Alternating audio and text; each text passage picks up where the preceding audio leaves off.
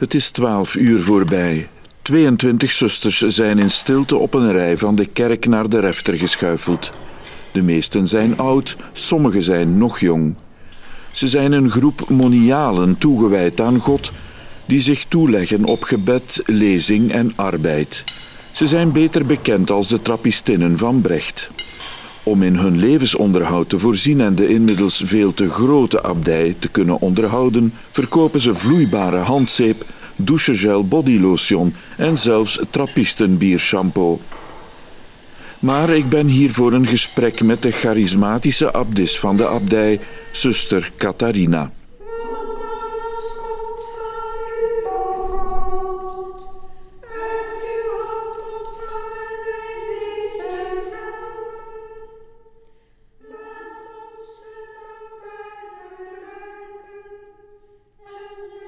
Tijdens elk middagmaal leest een zuster voor uit een actuele publicatie. Vandaag is dat het boek De andere kant van de muur van de pro-Palestijnse Lutherse dominee Munter Isaac. Isaac schreef het ruim voor de raid op Israël door het terreurnetwerk Hamas.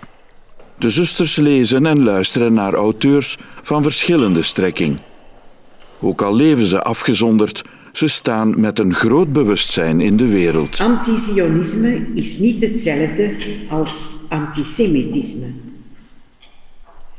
Het is van belang te onderstrepen dat het niet juist is te denken dat kritiek op de staat Israël en het Sionisme hetzelfde is als antisemitisme. Het is vandaag de dag heel moeilijk geworden om een objectieve discussie te voeren over de bezetting en zelfs over de illegale nederzettingen, zonder bang te zijn om als antisemiet gezien te worden. Normaal ga ik niet buiten, maar binnen de muren wandelen. Dus we gaan zien of dat weer buiten de muur. En binnen de muren weet ik natuurlijk beter waar dat de droge plekken zijn. Maar we gaan ook wel iets droogs vinden. Stevige stapschoenen. Ja, ik wandel zeer graag. En dus uh, af en toe. Het is hier een zeer drassig gebied. Hè.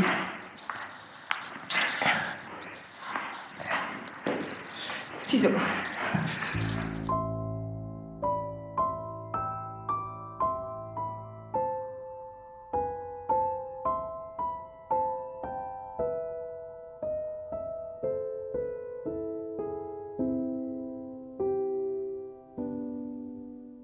Welkom in Monniken zijn als bomen. Een als podcast verpakte winterwandeling met zuster Catharina binnen en buiten de muren van de abdij, met een soundtrack van voetstappen in dode bladeren, in zompige aarde, met de roep van een overvliegend ganzenpaar, onder een grijze lucht en de woorden van een inspirerende, maar vooral zeer oprechte en echte vrouw. Monniken zijn als bomen is een programma van Leo August de Bok voor Kerknet Radio.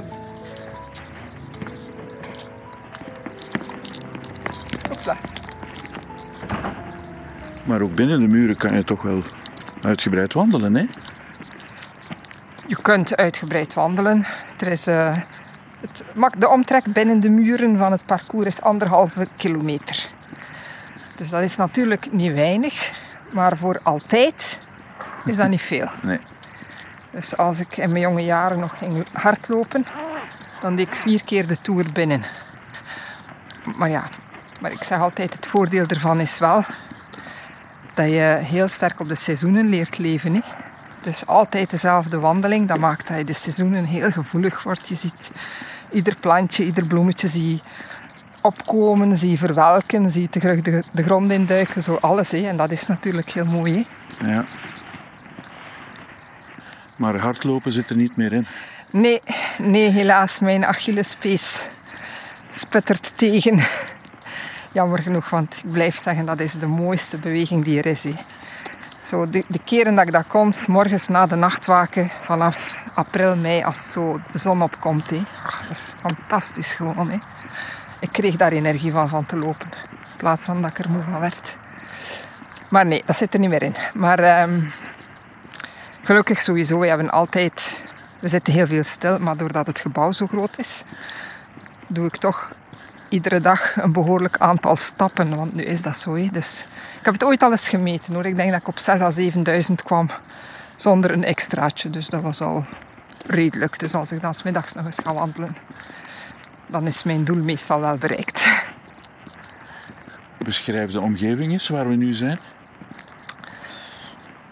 We zijn nu in de dreef, dus de inkomdreef naar de abdij. Het is hier heel stil. Het landschap is winters natuurlijk.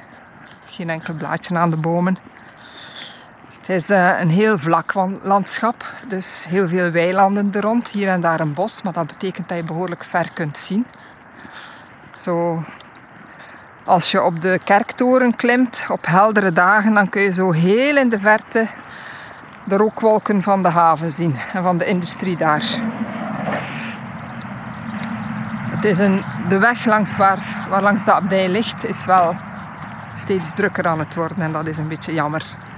Er komt veel lawaai. Ik denk vaak dat echte stille plekken, die zijn er niet meer in Vlaanderen. Dus men noemt dit hier stil en het is hier ook behoorlijk stil, maar je hoort het lawaai van de auto's aan die kant. En helemaal aan de andere kant heb je altijd opnieuw het lawaai van de autosnelweg, zo een zacht gezoef. De hoge snelheidstrein zit daar dan ook nog eens bij, dus echt stil is het hier eigenlijk nooit. Maar ik denk dat dat nergens meer is in Vlaanderen, jammer genoeg. Terwijl ik kan me voorstellen, voor jullie stilte is heel belangrijk. Heel belangrijk. Ja, sowieso heel belangrijk. En ik merk dat ik daar gewoon hypergevoelig aan ben. Hè. Wij zijn bezig met de voorbereiding van een groot renovatieproject rond de abdij. Oei. En uh, we zitten met een aantal zusters in de bouwcommissie. En tot vervelend toe zit ik voortdurend te hameren dat er heel veel aandacht moet gegeven worden aan akoestische materialen. Dat er heel lawaai doorgegeven wordt van de kamers, van de verdiepingen. Omdat het hier natuurlijk zo stil is, bijna altijd, zijn wij heel gevoelig aan lawaai. En ja, ik denk, ik zie dat niet iedere zuster, zo sterk is, maar ik heb dat heel sterk. Zo, ik kan omgekeerd ook zeer ontroerd zijn als ik ergens kom waar dat ik denk van hier is het echt stil. Ik ben vorig jaar. Ik heb een verantwoordelijkheid binnen de orde ook voor een abdij in Zuid-Frankrijk van trappisten. En ik ben naar de zusters geweest die daar op 60 kilometer vandaan woonden. En ik herinner me nog, ik stapte uit de auto en ik dacht, hier is het stil. Werkelijk niks, niks dat kan mij zo pakken, die stilte. Ik vind dat, ah, dat, is, dat van het mooiste dat er is. Hè. Ja, maar ja, ik moet dan soms denken. Ik hoorde ooit van uh, een priester die in Indië op bezoek ging bij moeder Teresa toen ze nog leefde. En die daar de mis vierde met haar vroeg in de morgen in een half ondergrondse ruimte, zo een beetje een half verdiep onder de grond denk ik. En er was ook ontzettend veel lawaai. En die priester vroeg aan moeder Teresa, stoort u al dat lawaai niet nu hier, zo s morgens vroeg, bij die Eucharistie? En zij zei, stilte is een luxe voor de rijken. Dus het is iets dat ik altijd, ja, is mij wel bijgebleven en ik denk er is iets van waar.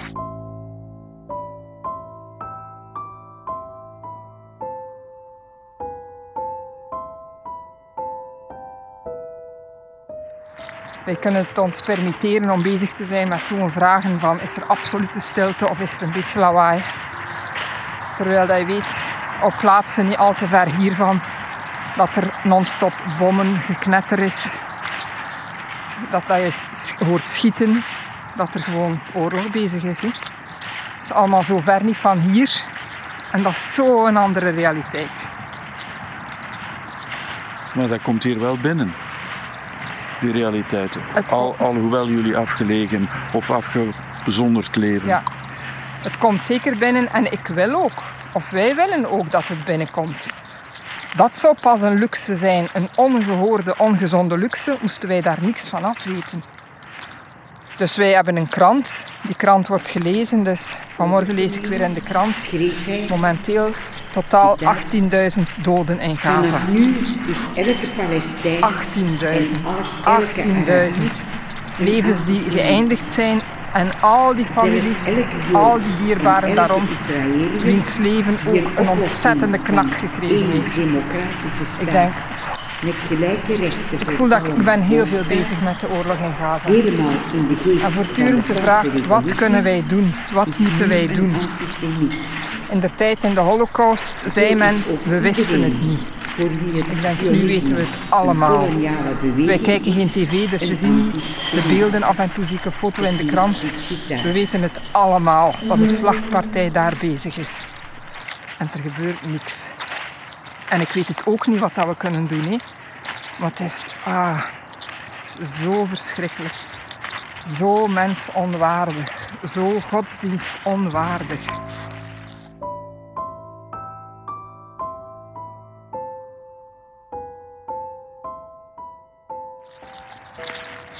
Ik denk ja, misschien hebben wij dan inderdaad het grote voordeel of de luxe of hoe je het ook heet.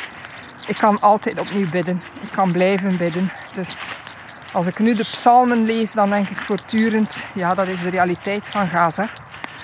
Zo de wraak die bezig is, de vergelding die bezig is. Maar ook het onrecht dat bezig is. Zo de onschuldigen die gestraft worden. Dus die realiteit die speelt zich nu af op een paar duizend kilometer van hier. Denkt u dan niet, het was toen zo, het is nu zo, het verandert niet, de mens verandert niet? Ik denk inderdaad, de mens verandert niet, maar jammer genoeg zijn de technologische mogelijkheden zoveel groter geworden nu dat het doden zoveel gemakkelijker is. Als je leest dat inderdaad mensen nu gewoon gedood worden van achter een computer. Want daar wordt er bes- beslist, daar wordt er bepaald welk doelwit de bom zal hebben. En dan denk je van, ik ben niet pessimistisch en toch denk ik soms van hoe lang kan dit nog duren? Hoe lang kan dit nog duren tot er werkelijk massale, fatale vernietiging gaat gebeuren? Ik... De wereld is zo met zo'n vreemde dingen bezig. Je voelt zo voor zoveel hoge mensen is blijkbaar alleen het eigen belang. Mijn werk, mijn job, mijn geld, mijn, mijn is het enige wat telt ten koste van. Zo, er is, ik denk, je weet toch dat er ook mensen zijn die niks hebben. Die, die alles moeten verwachten van hulporganisaties of zo. En dan, ja, hoe kan je zo op jezelf gericht zijn? Het is het individualisme ten top gedreven, denk ik. In combinatie met een, een egoïsme dat nooit gecorrigeerd is, zeker. Ik, ik weet het niet. Ik weet het niet. Maar dat zit niet alleen bij die leiders, denk ik. Nee dat, zit, nee, dat zit inderdaad niet alleen bij de leiders. Als je hoort over Afrika, dan denk ik ook van hoe kan dat daar dat er regimes zijn die maar niet omke- omkeren. Dat er nooit eens iemand opstaat die echt kiest voor het volk, maar de corruptie zit van hoog tot laag. En wellicht niet alleen in Afrika, dat zal ook wel zo zijn. En toch, ja. Het kwaad zit in ons, hè. het zit ook in mij, dat weet ik. Het zit in ieder van ons. Het is waar dat wij als gemeenschap hier elke dag opnieuw moeten aan werken. Het infiltreert de gemeenschap, omdat, omdat iedere mens een portie kwaad meebrengt. En ik denk altijd, en als dat kwaad gaat samenklitten, ja, dan, dan gebeuren er grote rampen. Hè. Dus moeten we zorgen dat we het kwaad altijd opnieuw frontaal in de ogen kijken en niet het laatste woord geven. Hè. Maar dat is dus permanente bekering. Dat is een van de geloften die wij afleggen. Een van de drie Benedictijnse geloften. Permanente bekering. Maar het is ook nodig. Het is zo nodig. Wat bedoelt u daar eigenlijk mee, permanente bekering? Ik bedoel, met bekering denk ik altijd permanente omkering. Van alles voor mij naar alles voor de ander. Of, of het besef zo van, ik ben niet alleen op de wereld. Al mijn daden, al mijn woorden hebben impact op anderen. En daar altijd opnieuw rekenschap van afleggen en daar rekening mee houden. En dus omkeren. Omkeren. De laatste jaren wordt mij dat zo duidelijk. En dat is zo eenvoudig, maar tegen... Blijkbaar heb ik er vele jaren voor nodig gehad dat dat, dat vlees en bloed werd. Zo. Die neiging in mij, en wellicht in elke mens, om altijd eerst aan zichzelf te denken. Altijd. De spontane eerste gedachte, reactie is altijd opnieuw. Wat is het voordeel voor, voor mezelf? En dus die beweging counteren eigenlijk. Omkeren. Dat is bekering. Dat vraagt, dat vraagt onafgebroken werk. Dat vraagt heel veel inspanning. Dat is, dat is nooit af, want altijd opnieuw voelen we die spontane, natuurlijke neiging naar ik eerst. En om daarvan dan te zeggen, nee, zo gaan we het niet doen. Ik ga, het moet niet ik eerst zijn, het moet de gemeenschap eerst of de ander eerst. En niet dat ik mezelf helemaal moet wegcijferen, maar laten we maar het totaalplaatje bekijken in plaats van altijd zo. Ik ben een god in types van mijn gedachten. Jezus. Dat is niet goed. Dat is echt niet goed. Maar dat is heel courant aan het worden. Met alle nefaste gevolgen van die. Heb je de indruk dat dat toeneemt? Ik weet niet of dat toeneemt, maar de mogelijkheden van het kwaad dat aangericht kan worden zijn zoveel groter. En daardoor gebeurt het op zoveel grotere schaal, denk ik. Zo. Ik weet niet of dat de mens nu beter of slechter is dan. Ik denk, de mens is de mens. Misschien hebben vroeger mensen meer geleerd om bijvoorbeeld te delen, omdat ze in grotere gemeenschappen woonden, omdat het gemeenschapsverband in een dorp, in een parochie groter was. Zonder dat te idealiseren, want sociale controle heeft ook een rol gespeeld. En dat is allemaal een beetje weggedeemsterd. Is het nu beter, is het slechter? Ik weet het niet. Maar het is zoveel gevaarlijker. Zolang kinderen met speelgoedgeweertjes spelen, is dat niet goed. Maar het zijn speelgoedgeweertjes. Maar als je grote mensen echte geweren geeft, dat is niet goed. Dat is niet goed. En waar is God in dit alles? Goeie vraag. Die zit te wenen, denk ik, als hij ziet wat, dat we, wat een puinhoop dat we er hier soms van maken. Die zegt, ik had jullie alles gegeven. Ik had jullie het goede gegeven. Ik heb jullie zoveel toevertrouwd en je hebt het allemaal alleen voor jezelf gebruikt. Dat klopt niet. En dan denk ik, nee, dat klopt niet. Ik denk dat hij weent en tegelijk ook probeert alle goeds altijd opnieuw te bevestigen. En mensen blijft gelukkig, gelukkig. Mensen blijft oproepen van zie het anders, doe het anders. Streef naar gerechtigheid, streef naar vrede. Zo, ja. Maar hoe doen jullie dat? Want tenslotte zonderen jullie zich een beetje af Ja. van die samenleving.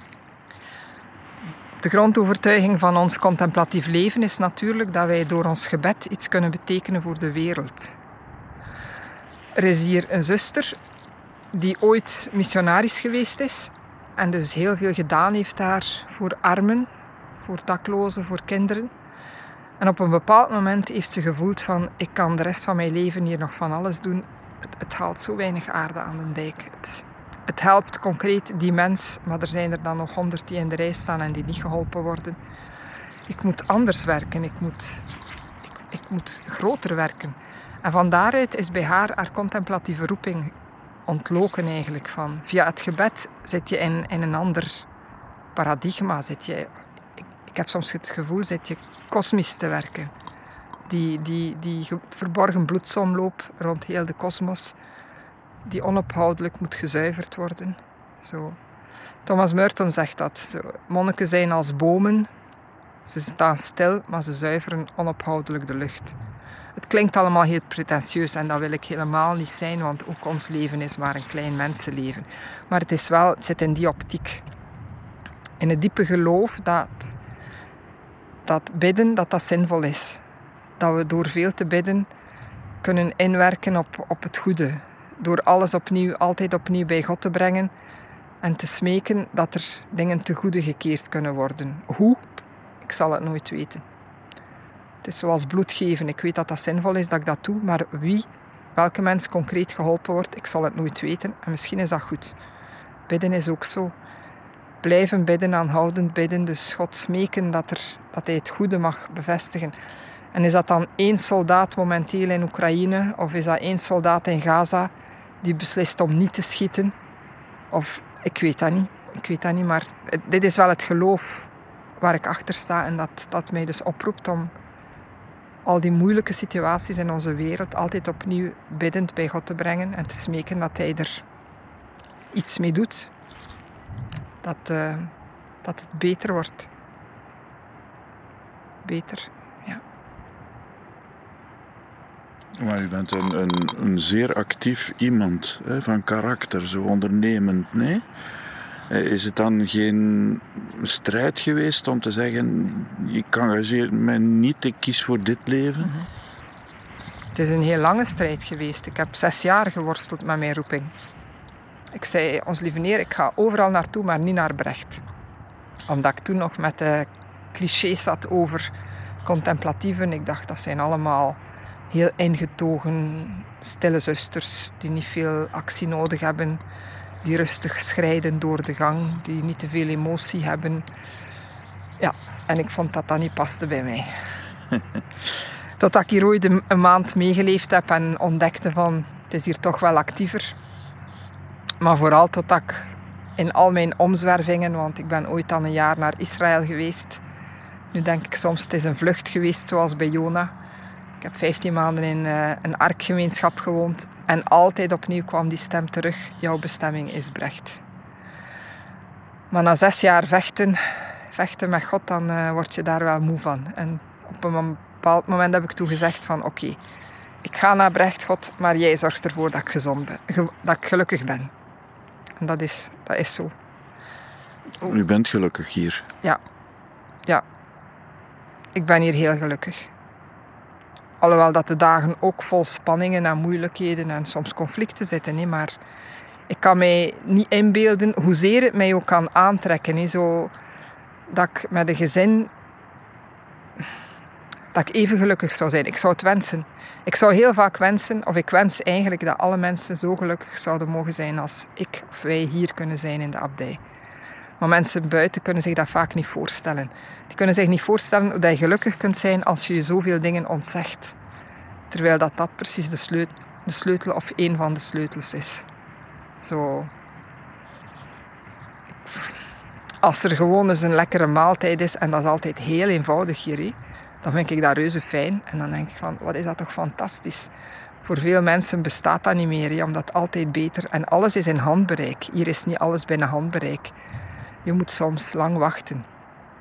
Soms denk ik de laatste tijd, ik zou graag eens een stilo hebben met zo'n scherpe punt of zo'n stiftje. Daar zou ik goed mee kunnen schrijven. Ik zou dat eens moeten vragen. En dan denk ik, nee, je moet dat niet vragen. Je hebt dat eigenlijk niet nodig. Dus ik ga dat niet vragen. Maar ik weet, want dat is altijd zo bij mij. Vroeg of laat gaat dat ineens mij geschonken worden. En dat is maar een detail. Dat zijn maar zo'n kleine dingen. Hè.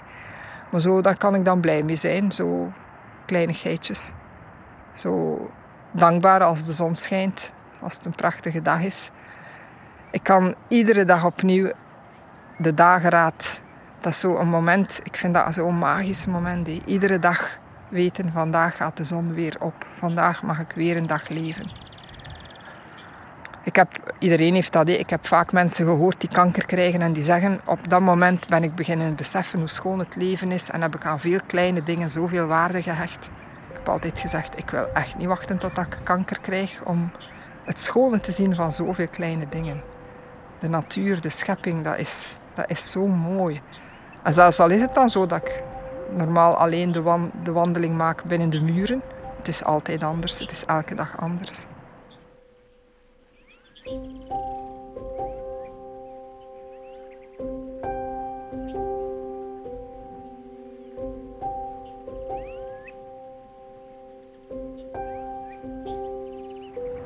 Maar is er dan niets van de dingen die u zich moet ontzeggen, die, eh, die u zwaar, dat u zwaar valt?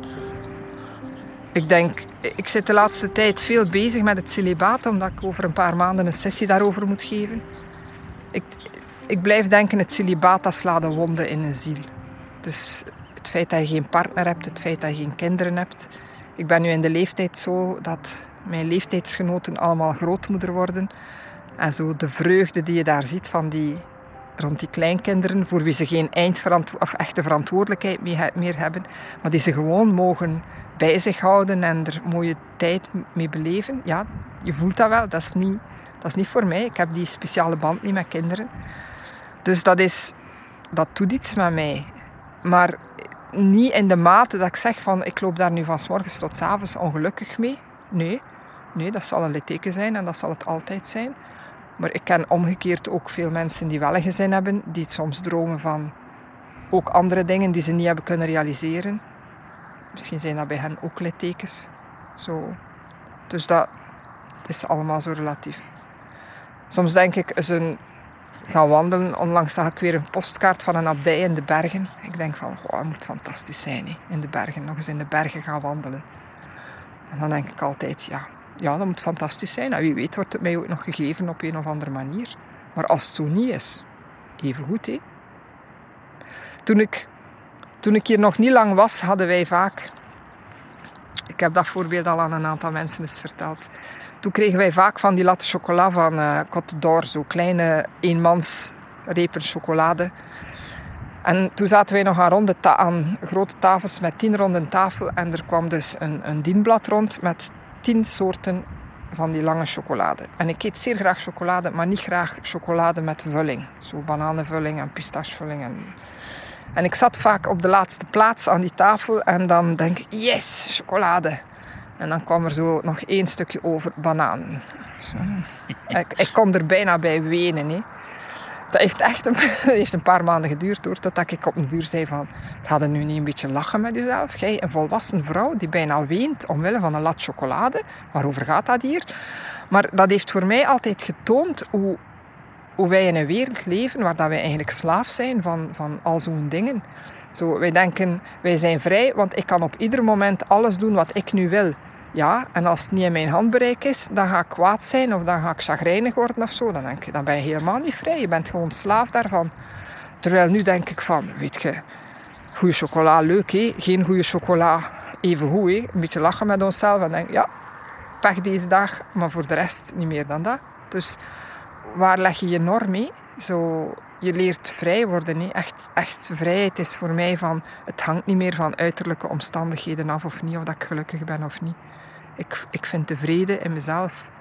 Gelukkig zijn is voor mij veel, heeft veel te maken met tevreden zijn. Zo. Het zit in mezelf. Het is goed zoals dat is. Wat dat niet betekent dat er geen verlangen is. Hè. Zo, we zijn in de advent, dat is de tijd van het grote verlangen. Ja, dat is de schoonste tijd die er is. Hè. Omdat uiteindelijk wij leven uit het verlangen. En ook voor onze tijd is dat heel moeilijk. Hè. Wij leven uit verlangen. En ik weet, niet met zekerheid, maar ik hou er heel stevig rekening mee dat de vervulling niet in dit deel van het leven zal liggen voor ons. Ik denk niet dat ik God nog zal zien in dit leven. Ik hoop natuurlijk hierna wel. Maar dus leef je uit een verlangen waarvan dat je weet, de vervulling zal wellicht niet mijn deel zijn. En toch is dat zo mooi, vind ik. Dat geeft zo'n spankracht. Dat is, ja, de brief van de Hebreeën zegt dat. Wij zijn uiteindelijk maar passanten. Hè. We zijn passanten op deze aarde. We zijn hier voor een poosje, maar ons echte vaderland ligt daar voorbij. En dat is niet dat ik hoop dat ik, dat ik snel dood zal gaan. Nee. Integendeel, ik leef veel te graag daarvoor. Maar het is allemaal relatief. Bent u ooit verliefd geweest? Ik ben heel verliefd geweest. Ja. Ik ben daar ook heel dankbaar om. Omdat ik blijf denken, verliefd zijn, het verliefd zijn heeft voor mij mijn hart geopend. Zo heeft zo die ik heb altijd het gevoel, het hart, iedereen heeft een hart en bij iedereen klopt dat, maar dat moet dus geopend worden en eens goed uitgerokken worden, zodat je goed voelt hoeveel passie dat er daar kan in zitten, hoeveel emotie. En dat is wat de verliefdheid vaak doet. In die zin, als er, als er mensen binnenkomen, dan vraag, ik, dan vraag ik dat vaak ook aan hen. Omdat ik denk, als ze nog nooit verliefd geweest zijn, soms ook wel als ze toch verliefd geweest zijn, dan is de kans er nog altijd dat het hart, hart nog altijd dicht is. Zo, moet dus goed... En als het, helemaal, als een keer dat open geweest is, het kan wel een beetje terug dichtslippen, maar dan is het... En dan... We hebben maar één hart, dus we hebben maar één hart. Het is hetzelfde hart dat klopt voor mezelf, voor de ander, voor God. En verliefdheid, dus hoe groter dat hart is, hoe groter de liefde die kan stromen.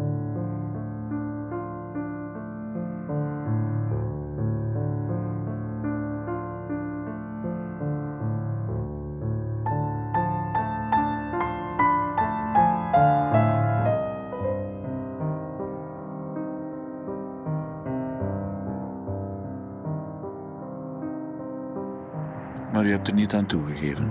Nee. Nee, omdat toen al Brecht trok. En ik voelde van... Uh, nee. Nee, dat is het niet geworden.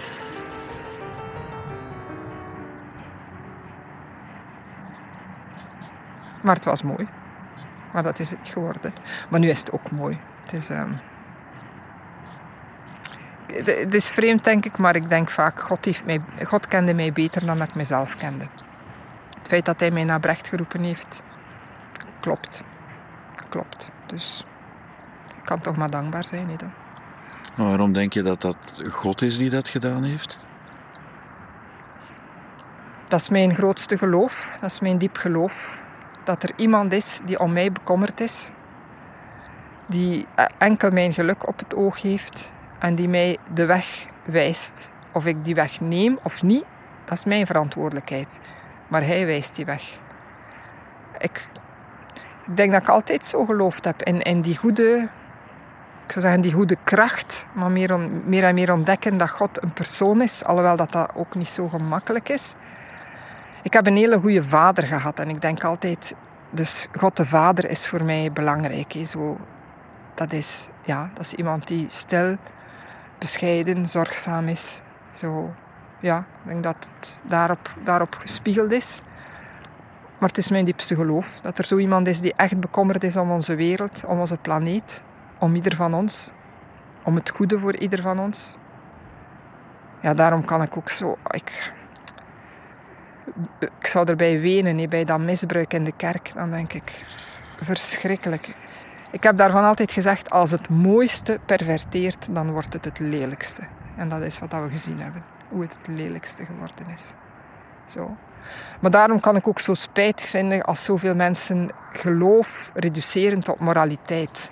Zo, of het vingertje wijzen. Dit mag, dit mag niet, dit moet je. Ik denk evident, als je iemand graag ziet, dan zal daar een bepaalde praxis uit volgen.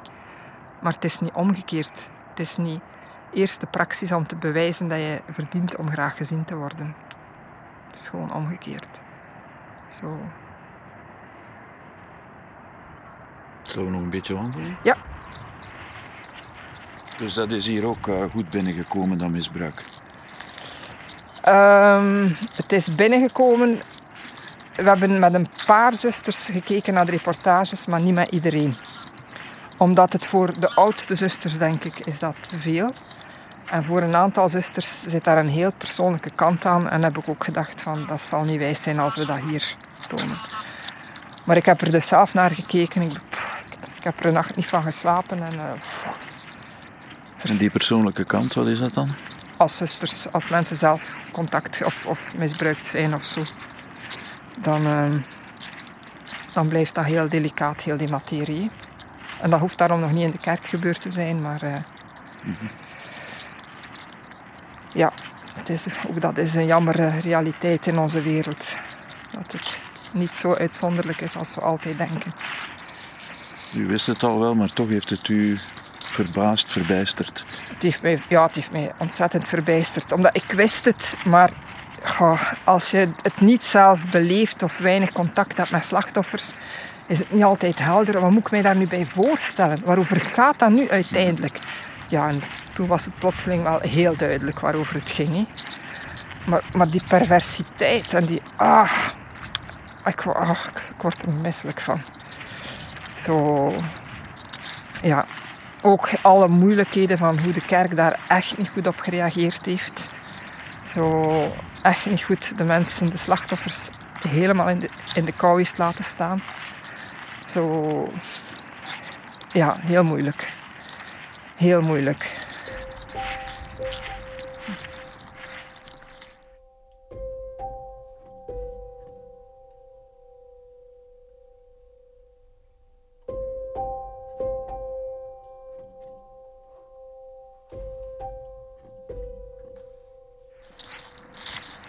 Kerk heeft het, had het moeilijk, heeft het nog moeilijker daardoor. Ik bedoel de kerk. Ja, ja, ja. Um, de kerk had het inderdaad moeilijk. ik, snap, ik snap echt ook wel dat de kerk een, een, dat dat een proces geweest is om dat te laten doordringen van wat is dat nu, hoe moet je daar gepast mee omgaan, hoe moet je je mensen, je eigen... Soms denk ik dat is een normale reactie dat je je eigen mensen verdedigt. Maar totdat er zo heel helder kunt, maar dit is hier totaal ongepast. Dit is hier werkelijk niet de goede manier van handelen. Dat heeft dus blijkbaar een proces gevraagd. Dat is nu voor iedereen duidelijk. Maar het is wel voor de slachtoffers blijft het ontzettend pijnlijk. Hè? Want mensen zijn getekend voor hun leven. Door een kerk die eigenlijk juist het leven zou moeten bevorderen. Groei zou moeten bevorderen. Ja, en de kerk blijft het moeilijk hebben in Vlaanderen, zeker. We worden een kleine minderheidskerk. Of dat dat op zich zo erg is, weet ik niet. Ik kijk soms naar het Franse model. Ik heb wat familie in, in Frankrijk. Ik zie hoe leken daar soms een hele parochie dragen, hoe die pastoraal heel actief zijn. Ik denk, dat heeft toch ook veel waarde, vind ik. Heel veel waarde. Terwijl hier, wij zitten nog met zo heel dat klericaal verleden. Dat één beeld van de kerk toch ook maar is, maar niet het enige. Dus ik kan maar hopen als de kerk kleiner wordt bij ons, een minderheid, dat het een heel overtuigde kerk wordt. En niet meer de massale volkskerk, waar je ook wel hier en daar een vraagteken bij kon plaatsen. Ja, het wordt afwachten. Het wordt afwachten. Je hebt daarnet gezegd, ja, God zal ik misschien in, in dit leven eh, niet meer ontmoeten, maar daarna hoop ik, of wil ik geloven, zeker wel. Dus u gelooft echt dat er na dit leven een ander leven is? Ik heb daar geen uitgesproken ideeën over. Of dat er echt een ander leven is, dat weet ik niet.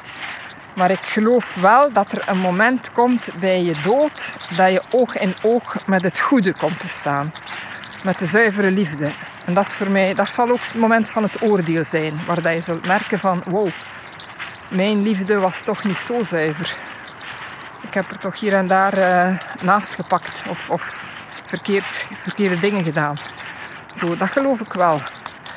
Maar wat dat dan zal zijn, ik, ik, weet, ik, weet het niet. En toch heb ik een heel een sterke band met de, met de overledenen. Momenteel iets minder, maar er zijn zo periodes geweest dat ik elke dag naar het kerkhof op bezoek ging hier.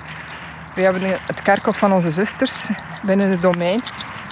En ik moest gewoon eventjes goeiedag gaan zeggen aan die zusters.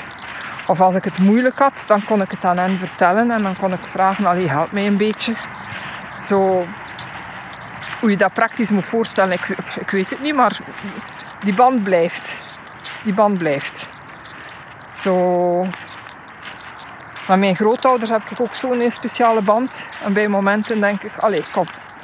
Gaat hier een beetje de familie? Of uh, het is weer de moment? Of het gaat hier niet goed? Of zo, ja. Dat ik het gevoel heb van, ik moet weer eens een klapje gaan doen. Over de dood heen. Dat is Misschien zit dat in dat groot kosmisch beleven waar dat ons leven sowieso in zit. Zo, het, gaat, het staat een stukje... Het gaat over de aardse realiteit heen. Zonder dat je die kunt missen. Ja, op die manier.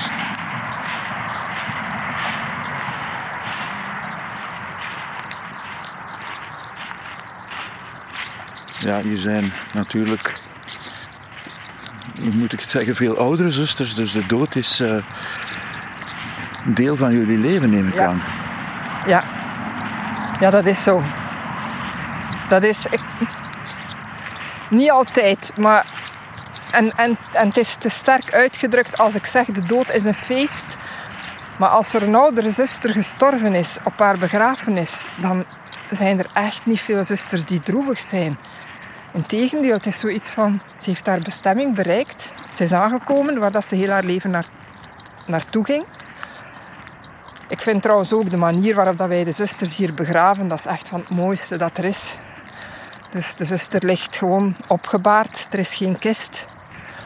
We dragen met de zusters, er zijn zes zusters die haar dragen naar haar graf. We laten haar zelf neer in het graf. De zusterverpleegster staat in het graf en ontvangt ze. Er is een laatste groet en dan wordt, ze, wordt, wordt er een laken over, over gespannen. En gooien de zusters zelf het graf dicht. Dus het is, het is echt zoiets van ons. Zo, we hebben die zuster ontvangen, we hebben ze gekregen als ze haar roeping gevolgd heeft en hier ingetreden is. En nu geven we ze terug aan moeder aarde en zo. Het is voltooid. De cirkel is rond. Dat is zo mooi, vind ik. Dat is ja, zo natuurlijk. Ik denk, er is niks poespas of ritualisme. Ja, heel mooi. Ja, ik vind het ontroerend zelfs. Als u dat zo vertelt. Dat is zo. Dat is een van, dat is een van, van de dingen die ik jammer vind. Dat ik nu, nu dat ik abdis geworden ben, kan ik de zusters niet meer dragen. Zo, ik denk dat ik er 15 zo gedragen heb naar een graf. Dat was, dat is zo'n sterk ritueel. Hè. Dat is niet gemakkelijk, want de ene zuster is al zwaarder dan de andere. Maar dus gewoon zo in die processie, onder dat klokkengelui, rustig stappen naar het kerkhof. Ja. Het is heel mooi een afscheid hier. Heel mooi. De uitvaartliturgie.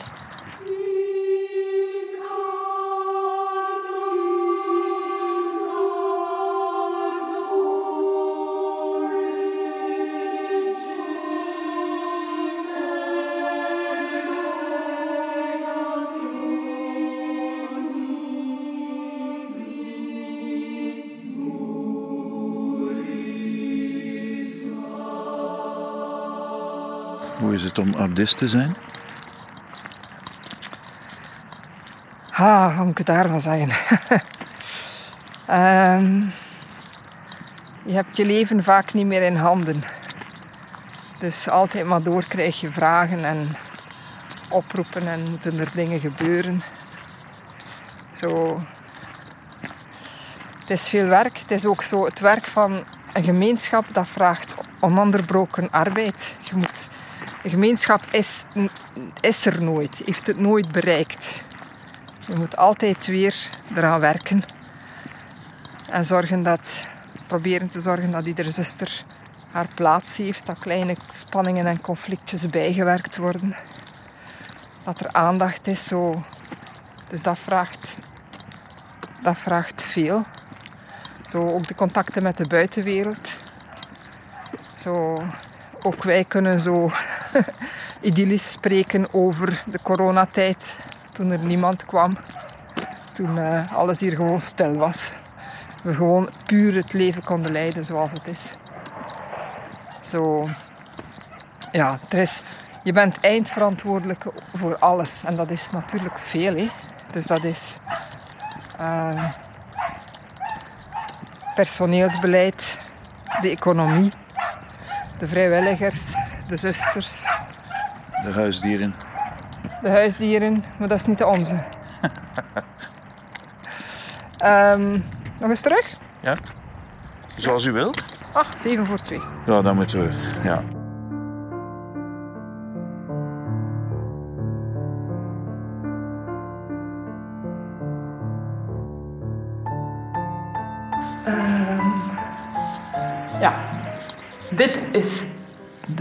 Visvijver en hierachter ligt de zwemvijver. Dus dat, zijn, dat is hier een moerasgebied, een gebied van vennen. Dus ze hebben in de tijd de vennen dichtgegooid. En dus een jaar of 40, 50 geleden was er een oudere zuster, die is vorig jaar gestorven. En die heeft toen gevraagd of dat ze geen zwemvijver konden uitgraven. En dus hebben ze een groot ven opengelegd. En dat is, dat, omdat hier toch een natuurlijke streek is, dat er is altijd blijven water in staan. En in de zomer gingen de zusters daarin zwemmen.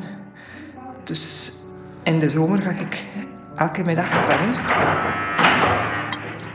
Voilà. Ah, Hallo. Er is iemand.